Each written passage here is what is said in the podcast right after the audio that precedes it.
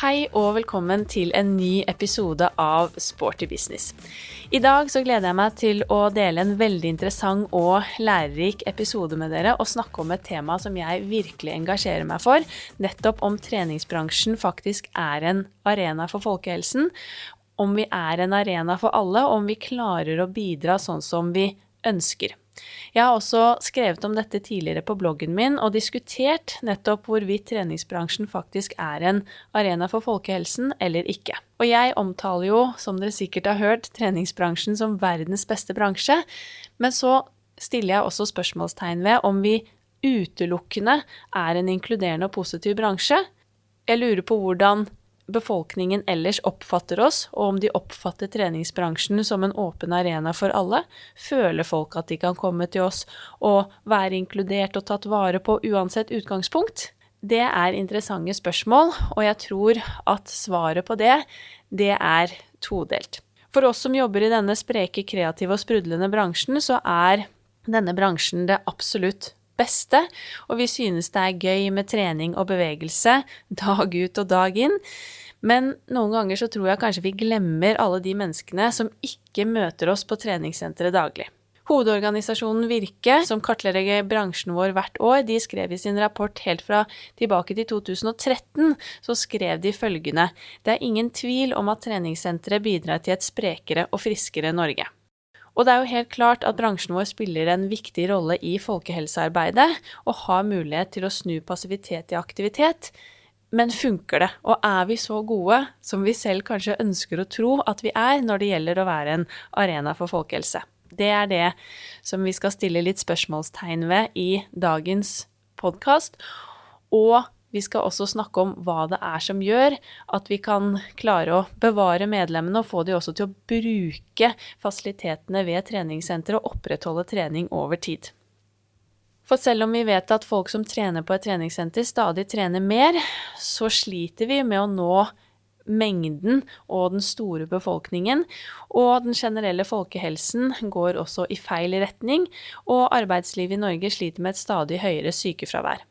Så folkehelsen det står virkelig på dagsorden, og vi i treningsbransjen bør jo bidra på aller best mulig måte.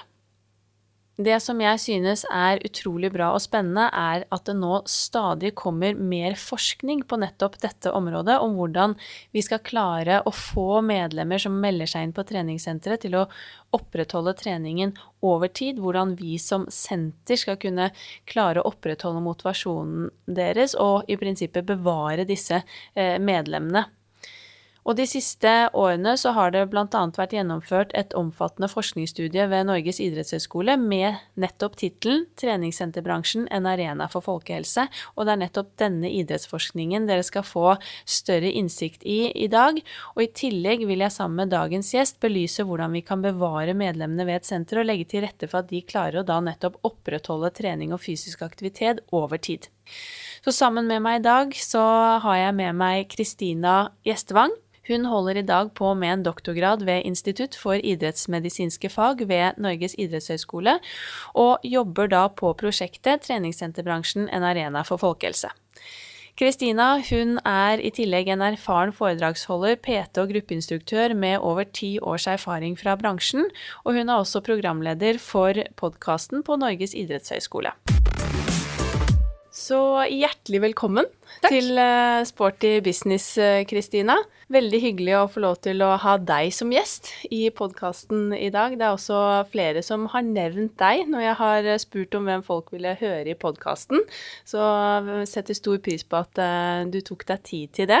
Og jeg har jo snakket litt om deg nå i introduksjonen, men det er alltid hyggelig å bli litt bedre kjent med de vi har med som gjester i podkasten. Så hvis du har lyst til å bare fortelle lytterne litt om hvem du er, og hva du jobber med, og din utdannelse. Jeg må jo først eh, starte med å si at jeg syns det er veldig hyggelig eh, at eh, folk tipser om meg.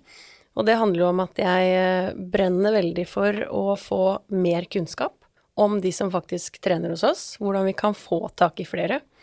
Og, og jeg brenner jo da også for at den kunnskapen her skal nå ut til de som faktisk jobber til daglig i bransjen. Men jeg heter da Kristina Gjestvang og har en eh, master fra Norges idrettshøgskole, eller NIH som det heter, i idrettsfysiologi og fysisk aktivitet og helse. Den er litt todelt. Og i løpet av masteren kan jeg nevne kort at bachelorgraden min handla egentlig mest om toppidrett og prestasjon. Eh, og i løpet av mastergraden så kjente jeg mer og mer på en lyst til å rett og slett jobbe med folkehelse. Jobbe med mannen i gata. Det var der jeg så et behov. Og nå holder jeg på med en doktorgrad, fortsatt på NIH. Og jeg har også jobba, jeg tror det er eh, snart 13 år, i treningssenterbransjen. Og jobber der fortsatt, så to kvelder i uka så drar jeg direkte fra kontoret på NIH og ned på et uh, treningssenter i, i Oslo sentrum, da. Mm. Mm. Spennende. Og hvordan ser hverdagen din ut på NIH sånn til vanlig nå når du jobber med dette prosjektet og doktorgraden din? Og hvordan ser Nå har du allerede nevnt at du har to eh, dager i uken hvor du holder eh, treningstimer eller gruppetimer, men hvordan ser også hverdagen din ut i treningsbransjen? Jo, hvordan ser den ut? Nei, um, hvis vi starter med NIH, da, så er det jo en forskerutdanning som jeg holder på med nå. Sånn at den eh, er egentlig ganske varierende. Alt ifra at vi i to år brukte nesten ni til fire arbeidstida vår på, på, å få tak i forskningsdeltakere, teste de og følge de opp. Mens jeg nå de siste to åra så har jeg da sittet på kontoret og skrevet.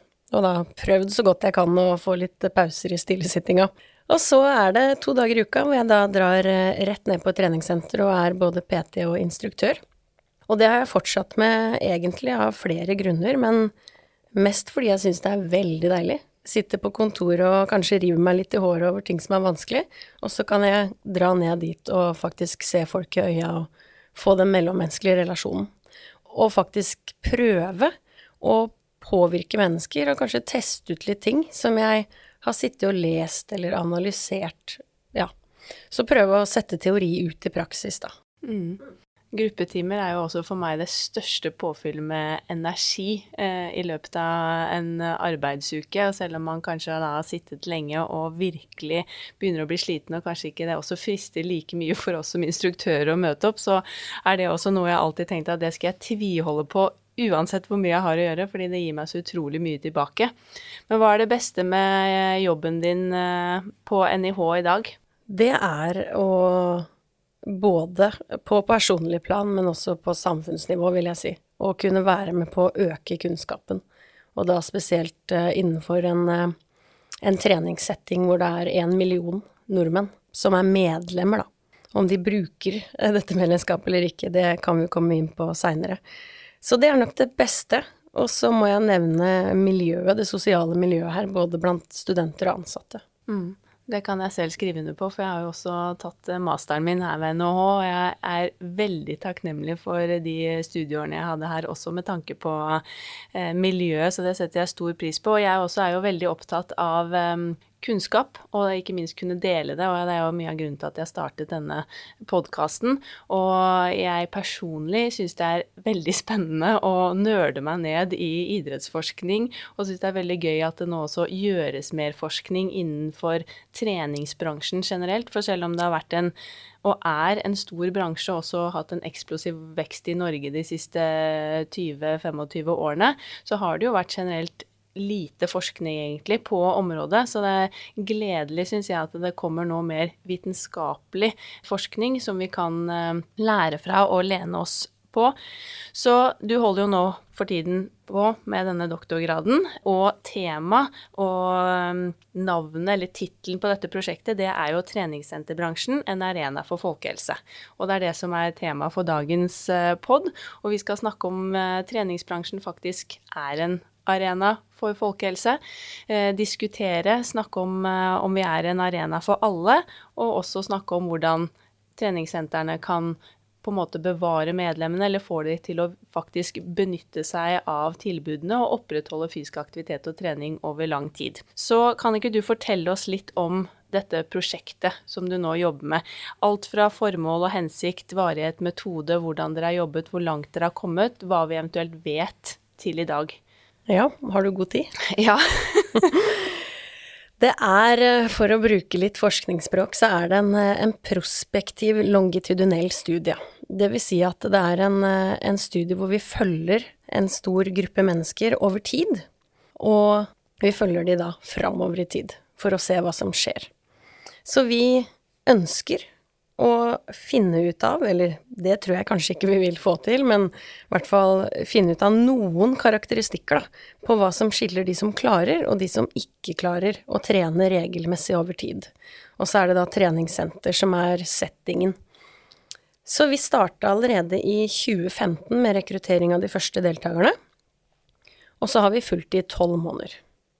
Så vi inkluderte 250 nye utrente Sats Elixia-medlemmer, dvs. Si at de hadde ikke trent på minimum et halvt år når de meldte seg inn, men hadde jo da selvfølgelig lyst til å starte å trene. Og så gjorde vi en del eh, både fysiske tester og et spørreskjema ved oppstart og etter tre, seks og tolv måneder. Og dette handler jo mye om at antageligvis er det andre faktorer som spiller en rolle ved oppstart av trening, enn de som er viktige med tanke på opprettholdelse da, av trening over tid. Studien varte da i tolv måneder, mens nå sitter vi jo da og skriver og analyserer på all den dataen vi har fått inn, for å prøve å, å, å få litt mer kunnskap. Ja, det er eh, kort fortalt. Hva har dere funnet ut hittil, eller kan du dele noe av det, vi, det dere, av det dere har publisert, eller det, det vi vet uh, ut fra det prosjektet dere har jobbet med? Ja, vi, har, eh, vi er ganske stolte. Vi har uh, fått publisert seks artikler allerede, og vi har um, to til som vi ja. har sendt inn, så vi håper at det blir åtte allerede i løpet av noen måneder. Ja. Og så har vi fortsatt noen i skriveprosess, som det heter. Alle artiklene har jo da den hensikten å egentlig se på hva et treningssentermedlemskap faktisk kan gjøre, med tanke på treningsatferd. Og alle artiklene har litt forskjellig fokus, dvs. Si at det er litt ulike faktorer vi ser på. Den ene den kartla rett og slett fysisk form hos disse utrente medlemmene ved oppstart. Og så hadde vi nummer to. Da så vi på om det å bli i bedre fysisk form, eller å ikke bli i fysisk form, om det bidro til at du trente mer eller mindre over tid. Der fant vi faktisk veldig få forskjeller mellom de som trente to ganger i uka i løpet av et år, og de som ikke gjorde det. Det var kun maksimalt oksygenopptak som var forskjellig, mens begge gruppene hadde ingen endring i muskelmasse, f.eks. Har dere noen tanker om hva det skyldes? Du skulle jo sånn, I utgangspunktet ja, ja. så tenker jeg med en gang at jøss, det er jo litt rart hvis de faktisk har opprettholdt trening to ganger i uken, og de andre har ikke gjort det. Hvorfor ser man ingen forskjell? Nei, det kan du si, og, og nå kommer vi kanskje over på det vi kan kalle for uh, synsing, rett og slett. Men jeg kan jo starte med å si at på grunn av det studiedesignet, eller forskningsdesignet vi har, så kan ikke vi si at det var treninga som var årsaken til at de som trente regelmessig, fikk høyere oksygenopptak. For det kan også Altså, hva kom først, høna eller lege? Det kan også være sånn at de som fra starten av hadde et litt høyere oksygenopptak, de syntes kanskje det var lettere å trene, og dermed trente oftere. Så vi kan ikke si helt hva det kommer av. Det at uh, ingen deltakere fikk noen uh, positiv endring i muskelmasse eller ned i fettmasse osv., kan komme av at intensiteten, eller belastninga på styrketreninga, kanskje var for lav. Mm. Um, det var bare av våre deltakere 4% som brukte MPT, så de har jo trent individuelt. Og den andre handler jo om treningsfrekvens. To dager i uka er jo kanskje i minstelaget hvis du skal få en eh, større muskelmasse over tid. Ja. Men det er jo ja, kanskje litt trist, om det går an å si det sånn. Fordi at eh, de fleste melder seg inn. Altså 92% oppga jo økning i fysisk form som årsak til at de meldte seg inn og så skjer det ingenting, så kan man jo forstå hvorfor det da er ganske mange som faller fra. Mm, mm. Absolutt. Eh, de andre artiklene som eh, du har publisert, hvilke tema hadde de? Ja, Den tredje den går på fysisk aktivitetsnivå. Vi målte aktivitetsnivået ved oppstart og etter tolv måneder for å se om et treningssentermedlemskap økte aktivitetsnivået. Der fant vi at 40% etter et år tilfredsstilte statens anbefalinger om 150 minutter aktivitet i uka. Så det er sånn ca. 7% høyere enn befolkninga, men fortsatt ikke gode tall. Nå skal det sies at eh, det kommer jo disse nye anbefalingene Eh, det går an å google seg opp hvis man vil vite mer, men tidligere så måtte du jo være aktiv i ti minutters bolker. Mens nå har vi gått bort ifra det, og alt, alle monner drar. Også om du spurter til bussen i 30 sekunder, så er det med på disse 30 minutters daglige eh, minuttene. Og da ser vi jo at det er hele 80% som tilfredsstiller anbefalingene. Så det kommer helt an på hva man sammenligner med. Den fjerde, det er kanskje den jeg syns har vært mest interessant til nå. Da så vi på motiver og ja. barrierer. Og så har vi kartlagt eh, urinlekkasje. Og den siste vi fikk publisert nå, den gikk på om et treningssentermedlemskap endrer eller øker selvopplevd eh, helse ja. og livskvalitet. Mm. Mm. Helt overordna, eh, et hovedfunn, uavhengig av hva vi egentlig undersøkte, handler jo om treningsdeltagelse, hvor vi ser at eh, prevalensen er ganske lav, dessverre. Mm. Det var gjennom eh, hele året så var det kun 17% som trente to ganger i uka eller mer eh, på treningssenteret. Hvis vi slo sammen, for vi kartla også om de trente noe utenfor senteret, så var det 37% som klarte å trene to ganger i uka eller mer gjennom et helt år. Så det er en ganske stor andel her som enten slutter og aldri kommer tilbake, men også mange av de som vi kan kalle for noe vi heter, som vi kaller for exercise relapse de kanskje får til å trene i noen uker ved den tremånedersmålinga vår, trener ikke ved seks, og så klarer de å trene igjen etter tolv. Ja. Så vi prøver jo da å finne ut av hvordan er det vi kan få disse til å faktisk aldri slutte. Mm, ikke ja. sant. Jeg tenker at det er jo det vi i treningsbransjen virkelig ønsker å få til, for vi vil jo at alle skal bli like glad i fysisk aktivitet eh, og bevegelse, sånn som i hvert fall jeg tror nesten alle som jobber i treningsbransjen er. Eh, og at de kan ja, få det som en naturlig del av hverdagen og opprettholde et livslangt aktivt liv. Det er jo det vi ønsker å få til. Eh, og selv om pengene renner inn i kassa for treningssentrene med disse støttemedlemmene, så er det jo ikke det vi ønsker. Vi ønsker jo at disse medlemmene skal bevare og opprettholde treningen og faktisk bruke fasilitetene, bruke gruppetrimene, bruke treningsstudio og være på senteret vårt. Ikke bare betale den medlemsavgiften og være helt passiv. Så jeg er også veldig nysgjerrig da i denne artikkelen som du nevnte, som du trekker frem som kanskje den mest spennende, dette med motiver og barrierer. For jeg tenker der er det jo mye vi som også jobber på treningssentrene, kanskje kan påvirke og være med og hjelpe til med. Så kan du fortelle litt mer om den artikkelen, og hva dere fant ut der? Mm. Hovedhypotesen til hele vårt prosjekt, det går på at vi tror jo at det er disse psykologiske faktorene som har en rolle. Så har vi jo da i hvert fall én artikkel som så på disse fysiologiske faktorene, hvor vi ikke fant noen ting. Eh, motivasjon er et ganske stort, eh, stort tema, mm. og en av nøkkelfaktorene for eh, opprettholdelse av trening. Så vi sammenligna igjen. Vi delte deltakerne inn i to grupper. Den gruppa som trente to dager i uka eller mer, og de som trente under eller falt fra osv. Vi satte rett og slett resten av gruppa i bare én gruppe, fordi vi er mest interessert i å, å, se på disse som klarte å få det til, da. Og vi fant veldig få forskjeller, men vi fant eh, to eh, langvarige forskjeller som vi så gjennom hele året. Og det gikk på noen motiver som vi kan godt kaller for indre motivasjon i det, i det sjiktet, da. Mm. Og det var at de som trente to ganger i uka eller mer, de oppga at de trente fordi at det, det var lystbetont. Og, og de ønska en personlig utfordring.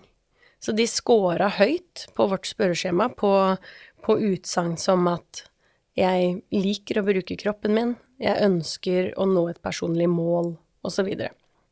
Det skal også nevnes at de, også disse her så oppga jo majoriteten motiver som økning i fysisk form, økning i muskelmasse osv., som vi ofte kan kalle ytre motiver. Og man har jo lenge tenkt at det er så svart-hvitt, indre og ytre motiver. Mens det man kanskje ser mer og mer, og også som, eh, som noen teorier foreslår, mm. så er det mer at det er kanskje ikke så viktig hvilke motiv du har, men årsaken til at du har motivet. Mm. For hvis jeg oppgir at jeg ønsker å få en bedre fysisk form, så kan jo én årsak være at jeg ønsker det fordi jeg har lyst på å gå ned i vekt og få sixpack og se fit ut, som vi kanskje da heller kan kalle et mot, eller årsak til et motiv som kanskje gjør at du ikke orker å opprettholde trening over tid.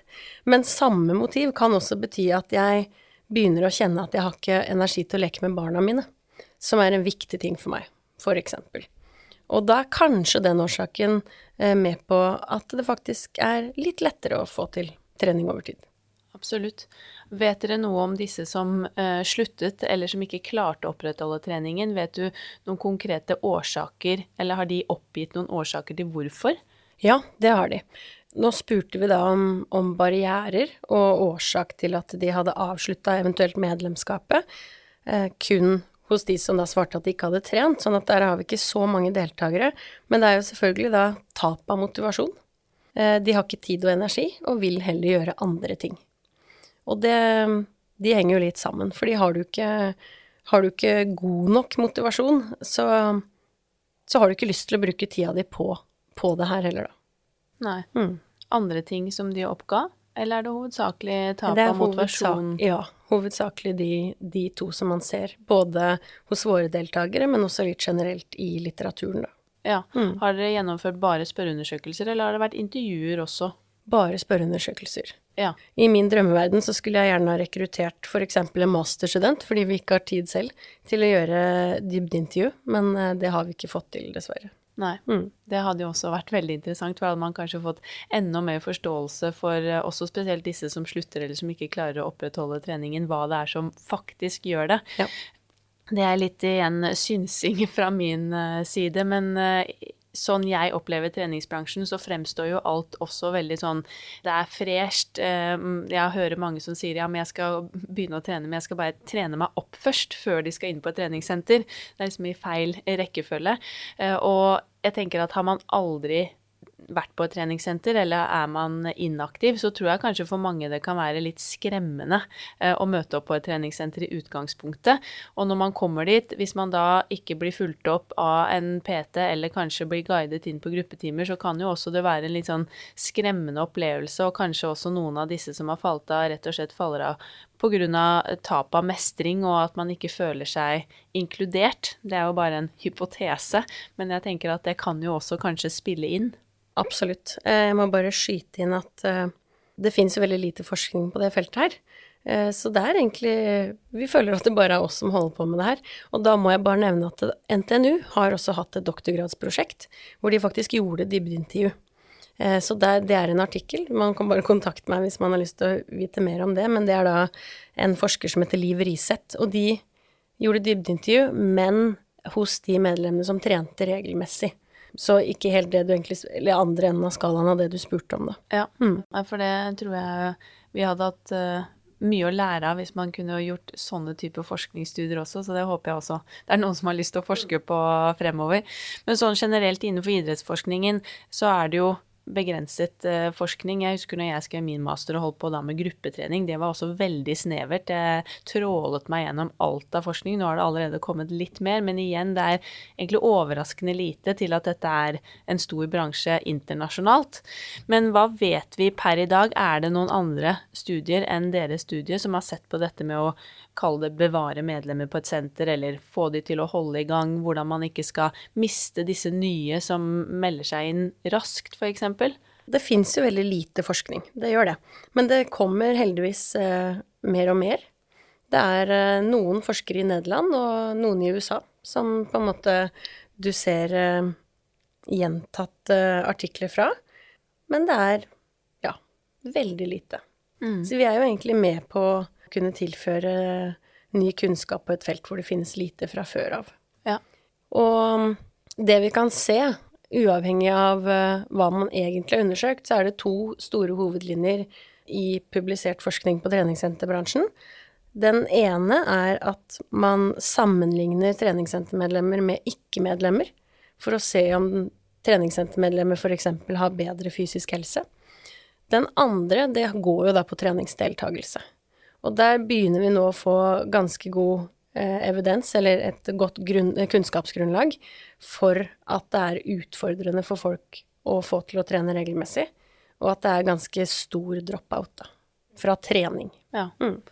For sånn forskning tror jeg jo treningsbransjen hadde hatt veldig godt av. Og jeg håper som sagt at det kommer mer, for der har vi mye å lære også med tanke på at vi ønsker å være den arenaen for folkehelse. Men vi ser jo fortsatt at uh, vi, som du nevnte i sted, vi sliter med å nå ut til mengden av befolkningen. Vi ser jo også at flere av de som allerede trener ved et senter, de trener mer, men vi får jo fortsatt ikke nye inn. Og det er jo de vi ønsker å få tak i, skal vi virkelig være en større folkehelseaktør. Og du har jo nevnt litt om det, men de som klarer å opprettholde denne treningen, da. Kan du si litt mer om hva de har oppgitt? Har de også oppgitt noen kvaliteter ved sentrene, f.eks., eller de aktørene de har møtt, som har bidratt til at de har klart å opprettholde treningen over tid, f.eks.? Ja, vi får se om jeg kan si noe om det, for jeg sitter, og skriver en artikkel på det akkurat nå. Så det er jo upubliserte data som jeg ikke bør snakke så veldig mye om, egentlig, før det er publisert. Men jeg kan jo si veldig kort at jeg har jo da selvfølgelig søkt opp litt forskning som går på Det kalles for service satisfaction. Det handler jo om eh, hvordan du oppfatter treningssenteret ditt. Og av de få studiene som finnes på feltet foreløpig, så har de da selvfølgelig fokusert mest på treningssenterets inntjening, altså business-delen av det. Men det er ingen som har, eh, som har, sett på det her i et folkehelseperspektiv, da. Men jeg kan si veldig kort at eh, sånn deskriptivt, altså enkel eh, statistikk eller framstilling, så har våre deltakere, de, de scora på en måte litt sånn litt over midt på treet når det gjaldt alt fra service til renhold, apparater, parkering, PT-er, instruktører. Og antageligvis så spiller kanskje ikke det en så stor rolle, da. Men hvis jeg får lov å, å synse litt, Absolutt. så så tror jeg jo, eh, hvis vi tenker folkehelseaktør, hvis vi bare først blir ferdig med den biten av å kanskje få flere inn med livsstilssykdommer osv., så, videre, så så er det jo gledelig å se at det nå skjer en endring med tanke på kunnskapsnivå blant treningssenteransatte. At det stilles et høyere krav til utdanning. Og det tror jeg er viktig for at legekontorer osv. faktisk skal få tillit til bransjen. Fordi jo høyere kunnskap vi har, jo lettere er det å få disse som faktisk møter pasienter, til å sende de videre til oss. Den andre delen, da, som jeg Fordi jeg, jeg tror at treningssenterbransjen er en potensiell arena for folkehelsen, men vi kan gjøre det enda bedre enn vi gjør det i dag. Og da handler det rett og slett om at jeg tror vi må bryte ting litt ned, og, og møte hvert enkelt medlem på individnivå. Jeg vet at veldig mange av de større kjedene som har ressurser, de, de har mye statistikk og algoritmer osv. for å prøve å finne ut av hvem faller fra, hvem eh, ja, holder seg til trening. Men jeg tror kanskje at ikke et datasystem kan gjøre de endringene vi ønsker, da. Jeg tror at vi må se hvert medlem. I min drømmesituasjon så hadde alle medlemmer fått en oppstartssamtale som ikke i det hele tatt handla om PT-intro, hvor det dessverre eh, for veldig mange lyser gjennom at denne PT-en gjør dette egentlig bare for å få deg som kunde videre, og gir deg kanskje fem øvelser som alle andre får. Og det er ikke sånn at alle skal ha fem styrkeøvelser fordi at det sier f.eks. For forskninga eller treningslæren at det er bra. Fordi at det er ikke sikkert at det er det som er den riktige treningsformen for alle, da. Mm. Og så handler det om det du nevnte i stad, eh, som går på mestring. Og jeg tror at både PT og instruktører, vi trenger å øke kunnskapen vår enda mer når det gjelder coaching-biten. Um, satt det litt på spissen, og jeg synes det fortsatt, trening er ikke rakettforskning. Og vi vet hva som kan funke for å bli i bedre form, men så lenge vi ikke får medlemmene våre til å gjøre det over lengre tid, så kommer vi ikke lenger. Så, så det å øke kunnskapen når det gjelder coaching, vi har jo f.eks. denne teorien jeg nevnte kort i stad, om motivasjon, selvbestemmelsesteorien. Det å øke kunnskapsnivået slik at både instruktører og PT f.eks. tilfredsstiller individets uh, grunnleggende psykologiske behov, som f.eks. Eh, å føle på en tilhørighet, ha sosiale aktiviteter på senteret, at treningssenteret faktisk blir eh, ditt andre hjem. Um, kompetanse, som egentlig går litt på mestring, og at medlemmene kjenner at de de eh, Det her kan jeg. Jeg vet hva jeg skal gjøre, og jeg vet at jeg kan få til trening. Og hvis jeg får noen uker hvor jeg ikke trener, så vet jeg i hvert fall at jeg skal klare å komme i gang igjen, for eksempel, da. Mm. Ja.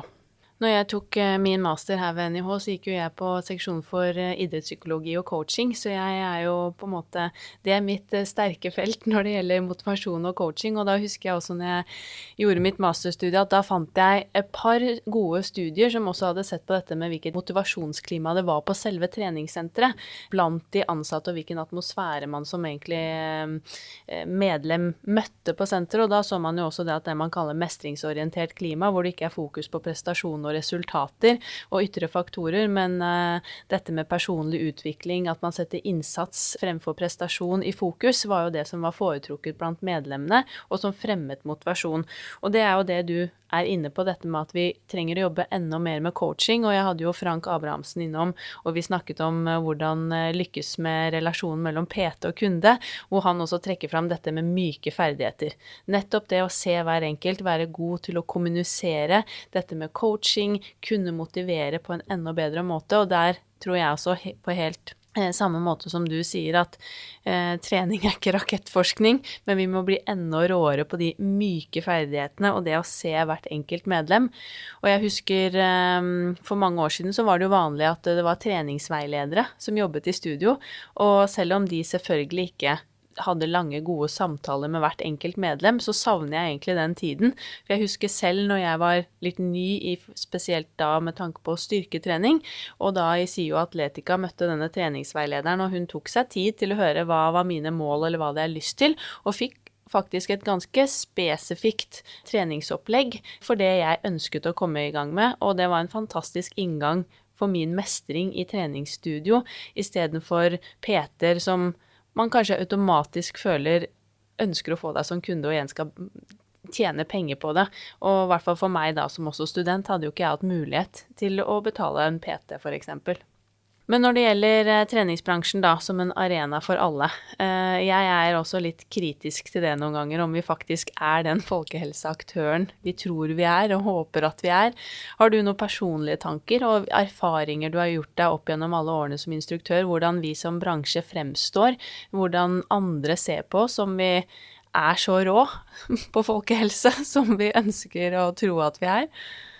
Ja, hva skal jeg si der? Um nå beveger vi oss da bort fra forskninga og inn i eh, Kristinas indre tanker. og jeg er ekstremt glad i treningssenterbransjen, det må jeg bare nevne først. Men så må jeg også nevne at min samboer eh, sier jo at jeg er den største kritiker. Har jeg aldri noe positivt å si når vi går forbi Ja, sånn som i, i disse koronatider så har jeg jo overvært ganske mange utetreninger. Hvor jeg ofte ikke klarer å dy meg og blir stående og se på hva som skjer. Og da kommer det jo kanskje noen eh, forbedringspunkter, da, som da min samboer får høre. Kjenner meg veldig igjen i ja. det. og det handler rett og slett egentlig ikke om at jeg ser at noen uh, instruerer teknikken feil osv., men det handler om at jeg ikke Jeg føler ikke at vi ser de vi trener godt nok. Så jeg tror vi må ja, ned på det, det nivået enda mer. Og, og, jeg er helt enig med deg som du sa i stad, at jeg også savner den tida med treningsveiledning. Eh, hvor faktisk alle medlemmer kunne ja, der jeg jobba, så det var et frittstående senter den gangen, så kunne medlemmene bruke det ubegrensa. Mm. Så når jeg da jobba som treningsveileder, så hadde jeg jo eh, noen som jeg møtte jevnlig. Kanskje hver femte-fjerde uke. Uten at det var et sånt press om, om salg, da. Mm. Samtidig så er det viktig å huske på at det her er en kommersiell bransje, sånn at for at den i det hele tatt skal overleve, så må vi også tjene inn på noe. Ja, Helt klart. Mm. Så, så, vi får jo dessverre ikke Ja.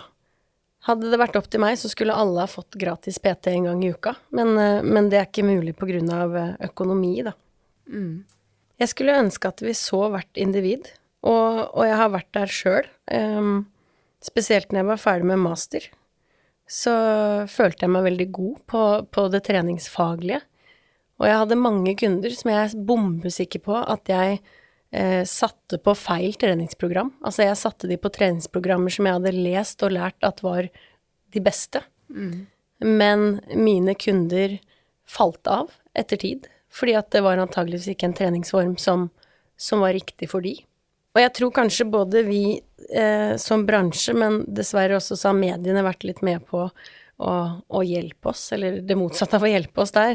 Og det handler jo om at eh, det er veldig lett å lese om disse treningsmetodene som skal fungere, og så tror jeg vi har klart å få en del mennesker til å tro at hvis jeg ikke gjør det Jeg kan dra fram ett eksempel som mange kjenner, fire ganger fire. Hvis jeg ikke løper fire ganger fire, men heller går meg en rask tur i motbakke, så har jeg ikke trent. Fordi at jeg må gjennomføre fire ganger fire for å trene. Så jeg tror vi må også bryte ned bildet av hva faktisk trening er, og gjøre det enda enklere. Absolutt. Tenker enkelt, tror jeg vi skal eh, tørre å gjøre enda mer. Og jeg skjønner også at folk blir forvirret, spesielt med tanke på hva som publiseres i både sosiale medier og ja, i aviser og på nettsider. For det er jo den ene dagen så er fire ganger fire fasiten på alt, og neste dag så er det en ny fasit, og så får du servert en eh, artikkel om alt det du ikke skal gjøre, f.eks.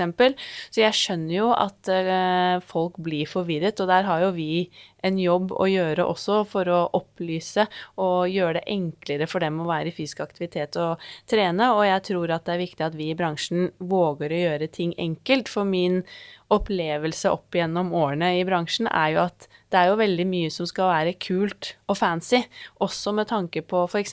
navn på gruppetimer. Og der skal jeg være helt ærlig at det, der har jeg hengt meg på selv og syns det er kjempegøy med fancy navn, og ofte da gjerne engelske navn. Og vi skjønner jo hva dette handler om, men kall det den vanlige mannen i gaten aner jo ikke hva denne gruppetimen består av, med veldig fancy navn. Og sjelden så leser folk timebeskrivelsen, eller så blir de avskrekket bare av å høre timenavnet. Og der tror jeg vi skal virkelig våge å tørre å tenke enklere for å få øh, breddene med, for der tror jeg også vi kan øh, skremme mange når det gjelder at alt skal være så veldig kult og fancy hele tiden. Og heldigvis så ser man jo også nå en trend hvor dette snur, og flere sentre og større kjeder også tenker mer alternativt og mer eh, rettet inn mot folkehelsen, og tilbyr da ja, alt fra også gåtimer både innendørs og utendørs. Eh, flere sentre velger også norske navn på gruppetimene sine. Og jeg har i hvert fall lest én studie eh, hvor de nå også har sett på dette med bruken av eh, ulike navn på timer, hvor dette med f.eks. da fokus på ytre faktorer som kropp eller utseende i navnet faktisk er med på å skade da motivasjonen til deltakerne og lysten til å være med på timen eller opprettholde treningen over tid. Jeg er helt enig, og, og nå snakker jeg fra hjertet igjen, men uh Gi meg eh, navn som høypuls. Ikke med bakgrunn i det du akkurat sa nå, men mage, rumpe, lår. Da veit jeg i hvert fall hva som trenes. Og et, et, hypotetisk eksempel som jeg ikke tror vi skal kimse av. Jeg forstår at vi må ha litt sånn freshe nye navn for de medlemmene som allerede trener. Mm. Tre, fire, fem ganger i uka. Men et eksempel er f.eks. Eh, Trine på 40 år som aldri har trent. Så får hun endelig en treningsrutine med at på mandager klokka sju så trener hun høypuls, da mm. med Kristina. Og hun får et forhold med meg. Så kommer vi til januar, og så er det plutselig mandag klokka sju med Frank. Og det heter uh, noe helt annet. Det er kanskje det samme, men for Trine så blir det så skremmende at hun heller slutter å trene. Mm. Og at også alle aktørene ved et senter eh, kjenner til alle delene på et senter, er også veldig viktig for å få ting til å fungere og få folk til å benytte seg av tilbudet, sånn at resepsjonistene kjenner til gruppetimetilbudet, hvilke PT de har, hvem som er dyktige på hva, vice versa, for da klarer man jo også å selge treningssenteret og tilbudet som en helhet, og kunne da igjen se hvert enkelt medlem enda litt bedre idet de kommer inn døren, og kanskje kan da anbefale, vet du hva, da syns jeg du skal gå på den gruppetimen, eller jeg skal sette opp en uh, prat med den og den PT-en for deg, for det tror jeg hadde vært en perfekt match for deg, f.eks. Absolutt. Så, så, jeg tror jo også at uh, vi burde bruke resepsjonisten enda mer. Nå har de veldig mye å gjøre, men de også burde bli satt enda mer på at de faktisk er med å gjøre en jobb, og, og de også får da mer kunnskap om, om typisk coaching, f.eks.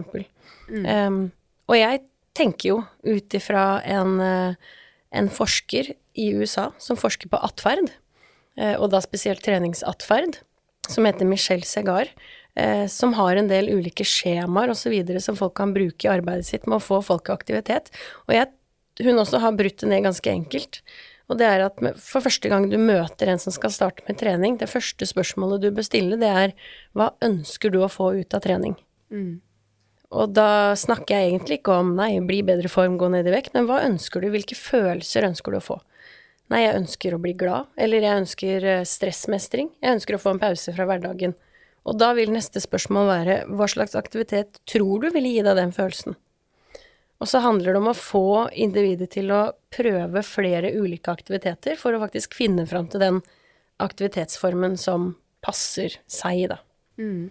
Og være fornøyd med det. Altså, elsker du å padle kajakk, så er det det du skal fortsette med. Du må ikke melde deg inn på et treningssenter eller uh, trene tung styrketrening fordi det gjør naboen.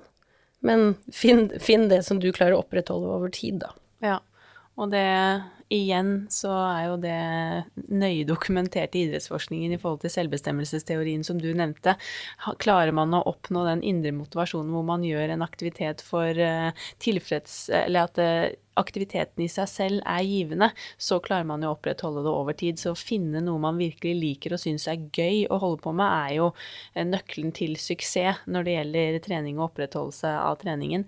Og når det gjelder det å bruke resepsjonistene mer, det tror jeg er veldig viktig, og kanskje mange sentre som glemmer. Og Jeg kjenner et par sentre som er rå på det å holde eh, dager som rett og slett er obligatorisk, hvor alle må delta, alt fra resepsjonister og PT-er og instruktører og ledere, hvor man også går igjennom man får en smakebit fra alle gruppetimene. Man går gjennom hva PT-ene jobber med, hvilke felt de er spesielt gode på, osv. Nettopp fordi at alle skal kunne litt om alt, og kunne selge senteret som helhet. Og det tror jeg er viktig for å også kall det beholde disse medlemmene, og få de aktive i den tiden de faktisk er medlem på et senter. Absolutt. Og en annen ting jeg også tror er viktig. Én ting er at vi må få mer kunnskap hos de ansatte på typisk coaching innenfor selvbestemmelsesteorien, sånn at uh, instruktører og ansatte får en del verktøy for hvordan skal vi nå peile inn medlemmene våre til å kjenne at det å trene er selvbestemt, f.eks. Og det er lystbetont. For da, vi må påvirke de på en måte. Men jeg tror også vi bør forberede spesielt nye utrente medlemmer på at det å trene regelmessig, det krever en god dos med selvdisiplin. Og jeg tror vi bare må være ærlige på det. Jeg trener jo sjøl personlig fordi jeg syns det er lystbetont. Men det er mang en dag hvor jeg ikke har lyst til å trene. Men jeg gjør det allikevel på grunn av selvdisiplinen, da. Mm. Så ja, så vi må rett og slett eh, Jeg tror det var Yngvar Andersen som sa det en gang, og jeg syns han sa det veldig godt. Og det er veldig få som sier det, men han sa vel et eller annet om at trening er forferdelig av og til. Og det er kanskje vi dårlige på. Jeg har sjøl sittet og sprettet til høy musikk og sagt juhu, det her er gøy. Men jeg vet jo at de sju på bakerste rad ikke syns det er gøy. Så um, Mm. Og målet vårt er jo selvfølgelig, eller håpet er jo at de en dag skal synes at det er litt gøy. Ja. Men det er nok også sånn at for noen så vil trening alltid det, må, det blir som en jobb. De må kanskje innse at uh, det er viktig for helsen og de må bare gjøre det, men kanskje de aldri kommer til å trives med det eller like det like godt som vi gjør. Og det er viktig å si det også, for det er ikke sånn at alle kommer til å bli helt euforiske av all type bevegelse og trening. Men øh, jeg har jo i hvert fall tro på og et håp om at man kan klare å få mange i hvert fall glad i noe. Om det er alt fra å gå på tur eller som du sier padle kajakk eller svømme eller løpe. Eh, det kan jo være alt. Danse, gjøre yoga. Det fins jo så ekstremt mange ulike aktiviteter. Og det å generelt bare opprettholde den hverdagsaktiviteten, eh, gjøre hagearbeid, leke med barna. Alt det er jo også med å gjøre en stor forskjell hvis man tenker helsegevinst over lang tid. Absolutt, det er det altså. Og nå er jo um, Treningsbransjen har jo vært inne i en meget spesiell tid, så vi kommer jo ikke unna denne covid-19-situasjonen. Og vi har jo lest Sist jeg leste, så var det om lag 60 000 medlemmer som hadde meldt seg ut totalt av treningssenteret, og det er kanskje mer, jeg har ikke noe oppdaterte tall på det nå, men det er jo helt klart at det er mange som har meldt seg ut pga. Eh, stengte treningssentre siden 12. mars. Så jeg tenkte sånn eh, helt utenfor forskningssetting, har du noen tanker eller råd eller tips du kan gi treningssenteret som skal i gang igjen, for hvordan vi kan klare å få disse medlemmene tilbake og reise reise oss igjen etter situasjonen vi har vært i? Jeg tror jo kanskje at den jobben, eh, og nå sier jeg vi, vi gjorde før covid-19. Jeg tror det er den vi eventuelt vil se svaret på nå, eh, med tanke på om medlemmene kommer tilbake eller ikke. Grunnlaget ble nok lagt, ja, før korona. Jeg tror kanskje at det er eh, noen ulike scenarioer, og ingen vet, så det blir spennende å se. Mm. Eh, et scenario som jeg ser for meg, er jo at flere nå har fått opp øynene for at å ja, jeg klarer faktisk å få til trening, f.eks., på andre arenaer. Trenger jeg nødvendigvis et treningssenter? Kanskje ikke. Men så blir det høst og kaldt og vinter. Kanskje vi ser da en økning. Den andre er at jeg tror de som allerede har trent og brukt senteret flere ganger i uka, de tror jeg står og knakker på døra. Og et annet scenario er nok at de som ikke var flinke på å bruke senteret, om ikke de allerede har meldt seg ut, så tror jeg kanskje de også har funnet ut at nei, det var litt deilig å ikke ha dårlig samvittighet for at jeg har et medlemskap som jeg ikke bruker. Så det, blir, så det er den gruppa jeg egentlig er mest spent på, eh, om vi får tilbake. Mm. Og hvordan vi skal få det tilbake, nei, det er jammen ikke eh, lett å svare på. Jeg har lyst til å bare nevne veldig kort at jeg har lest eh, eh litt grann om, om eh, noen sånne hypoteser som noen forskere har. Du nevnte det med at vi må få de til å forstå at de bør trene for helsa si.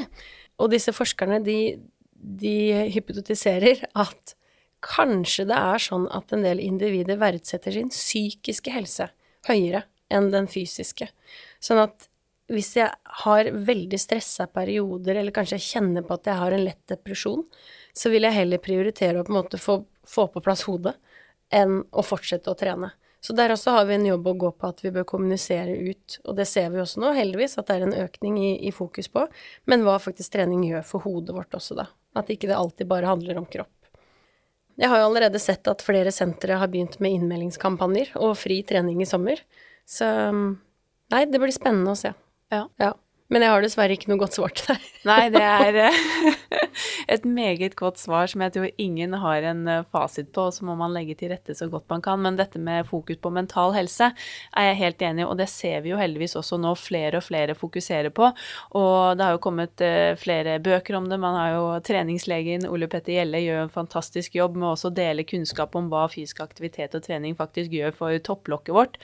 Og det tror jeg for mange kanskje kan være en ja, noe som gjør at de virkelig får øynene opp for mer fysisk aktivitet, eller bare hverdagsaktivitet. Fordi nå har man jo ganske mye forskning, og får stadig mer forskning på hva eller hvilke magiske effekter egentlig denne fysiske aktiviteten har for eh, ja, livsglede, eh, helse, altså muligheten for å leve et langt og sunt liv.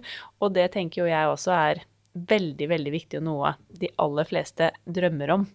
Men helt til slutt så har jeg jo noen spørsmål som jeg pleier å runde av med, og som jeg spør alle gjester som er innom Sporty Business. Hva er det aller beste med treningsbransjen? Det er medlemmene, syns jeg, da. Det å kunne møte medlemmene, uansett om det er en PT-kunde eller en, en, gruppe mennesker som går på gruppetime, og, og faktisk eh, ja, både se glede og frustrasjon hos dem, men de er der i hvert fall. Og ja. Nei, så det er rett og slett medlemmene. Mm. Å møte medlemmene som jeg syns er det beste. Å jobbe med mennesker på den, på den måten, med å prøve å, å, påvirke de i riktig retning til å få en, eh, en sunn livsstil i form av regelmessig trening. Ja. Det gir fantastisk energi og utrolig givende å kunne se at de lykkes med fysisk aktivitet og trening, og få et lykkeligere liv. Mm. Men vi har jo snakket litt om det i forhold til dette med å bli en bedre folkehelseaktør. Men er det noe annet du tenker at eh, treningsbransjen kan bli bedre på, eller utvikle seg innen? Ja, hvis jeg sikter høyt, så tenker jeg at vi kanskje kan begynne å tenke litt mer utafor boksen. At ikke vi Og det er det flere som har gjort, men kanskje litt mer ute på bygda. Men uh, at vi faktisk kan begynne å tilby litt andre aktiviteter som ikke bare er gruppetrening eller i styrkerommet. Det kan være alltid fra gåtur eller rett og slett et grillparty. Og der må jeg jo få lov, om det er mulig, å skryte litt av crossfit-miljøet. De har kanskje fått mye pes, og man kan si negative sider, selvfølgelig, men de har virkelig fått til en ting når det gjelder den sosiale tilhørigheten. Eh, og det er kanskje fordi at de, de har en del arrangementer som går på at medlemmene skal bli kjent, at man virkelig får et forhold til coachen osv. Så. Mm. så Inviter eh, deltakerne dine som går på gruppetimene dine hver onsdag, på julemiddag. Mm. Jeg booker bord, vær med og ta et glass etter timen. Da er vi to. Ja. ja. Rett og slett skape, skape miljø Ja. Uh, uten at det kanskje egentlig handler om akkurat den treninga, men at det handler om at du og jeg er på samme sted samtidig. Mm. Og Og min opplevelse er at de setter enormt stor pris på det. ja, absolutt. Har du noen tips til gjester, da? Er det noen eh, du kunne tenke deg å høre her i Sporty business? Ja, det er det. um, Det er lov å nevne flere også. Ja. Nei, vet du hva, jeg kom bare på én. Nei da. Ja, rett og slett eh, å høre historien til en eh, knakende flott dame med bein i nesa, og du kjenner jo sikkert til Anita Tonne selv. Eh, men jeg tenker, altså, det har virkelig vært en eh, pioner, vil jeg si, når det gjelder å være en gründer i treningssenterbransjen. Og eh, hun kan gi noen gode tips til andre som eh, sitter på noen ideer. Mm. Sølve Sunddragen tipset også om Mm. Ja. Mm. Anita, så hun, hun står på listen. Så, som jeg nevnte da, og hun har jo også vært en jeg virkelig har sett opp til Mm. eh, gjennom disse årene. Så Anita Tonne, du Mm. blir invitert. Men fantastisk. Jeg tror og håper at denne um, episoden har både vært lærerik for de som lytter på, og ikke minst kanskje ja, gir opphav til litt refleksjon og ettertanke i forhold til hva vi som jobber i bransjen faktisk kan eh, bli litt bedre på, og hva vi kan fokusere på for å være den folkehelseaktøren som vi ønsker å være. Mm. Jeg vil bare skyte inn veldig fort at uh, jeg har sagt at vi forsker på Sats Elixia-medlemmer, når det den gang var det. Og da vil jeg bare fort nevne at vi er i gang nå. Hadde det ikke vært pga. covid-19, hadde vi vært i gang. Vi setter i gang til høsten med et nytt prosjekt hvor vi nå skal gjøre det samme, men med alt ifra crossfit, eh, lavprissentre, fullskalasentre som Sats, eh, litt mindre sentre ute på bygda osv. Ja. Det handler om at vi Det er ikke sikkert at alle medlemmer er like. Nei. Så hvis man sitter og lytter og tenker at dette gjelder ikke mitt senter fordi Sats er så stort, så håper vi å få litt ny kunnskap nå, da. Ja, fantastisk. Det blir jo superspennende. Da må vi ta en ny pod Ja. når dere vet mer og har kommet litt lenger i den studien. Fantastisk. Tusen hjertelig takk for at du tok deg tid eh, til å stille opp i Sporty business, Kristina. Det var hyggelig å komme. Tusen takk for at du hørte på Sporty business, og håper du synes episoden var både spennende og lærerik. Jeg håper også at eh, episoden har gitt litt eh, opphav til eh, egen refleksjon og ettertanke, og at du som jobber i bransjen kan tenke gjennom hva det er du selv kan gjøre for å rett og slett ufarliggjøre bransjen og trekke nye mennesker inn på sentrene. For det er noe som heter at mange bekker små gjør en stor å, og hvis vi alle gjør litt, så er vi på god vei. Litt er mye, og sammen kan vi bidra til å gjøre en enda større folkehelsegevinst. Følg oss gjerne i sosiale medier på eh, Instagram på kontoen at sportybusinesspodkast, og bli gjerne også med i vår egen gruppe på Facebook som heter Sporty Business. Jeg gleder meg til å dele en ny episode med dere 30. juni. Ha en strålende uke videre. Vi poddes! Denne podkasten produseres av Innspartum Akademi og North Stories.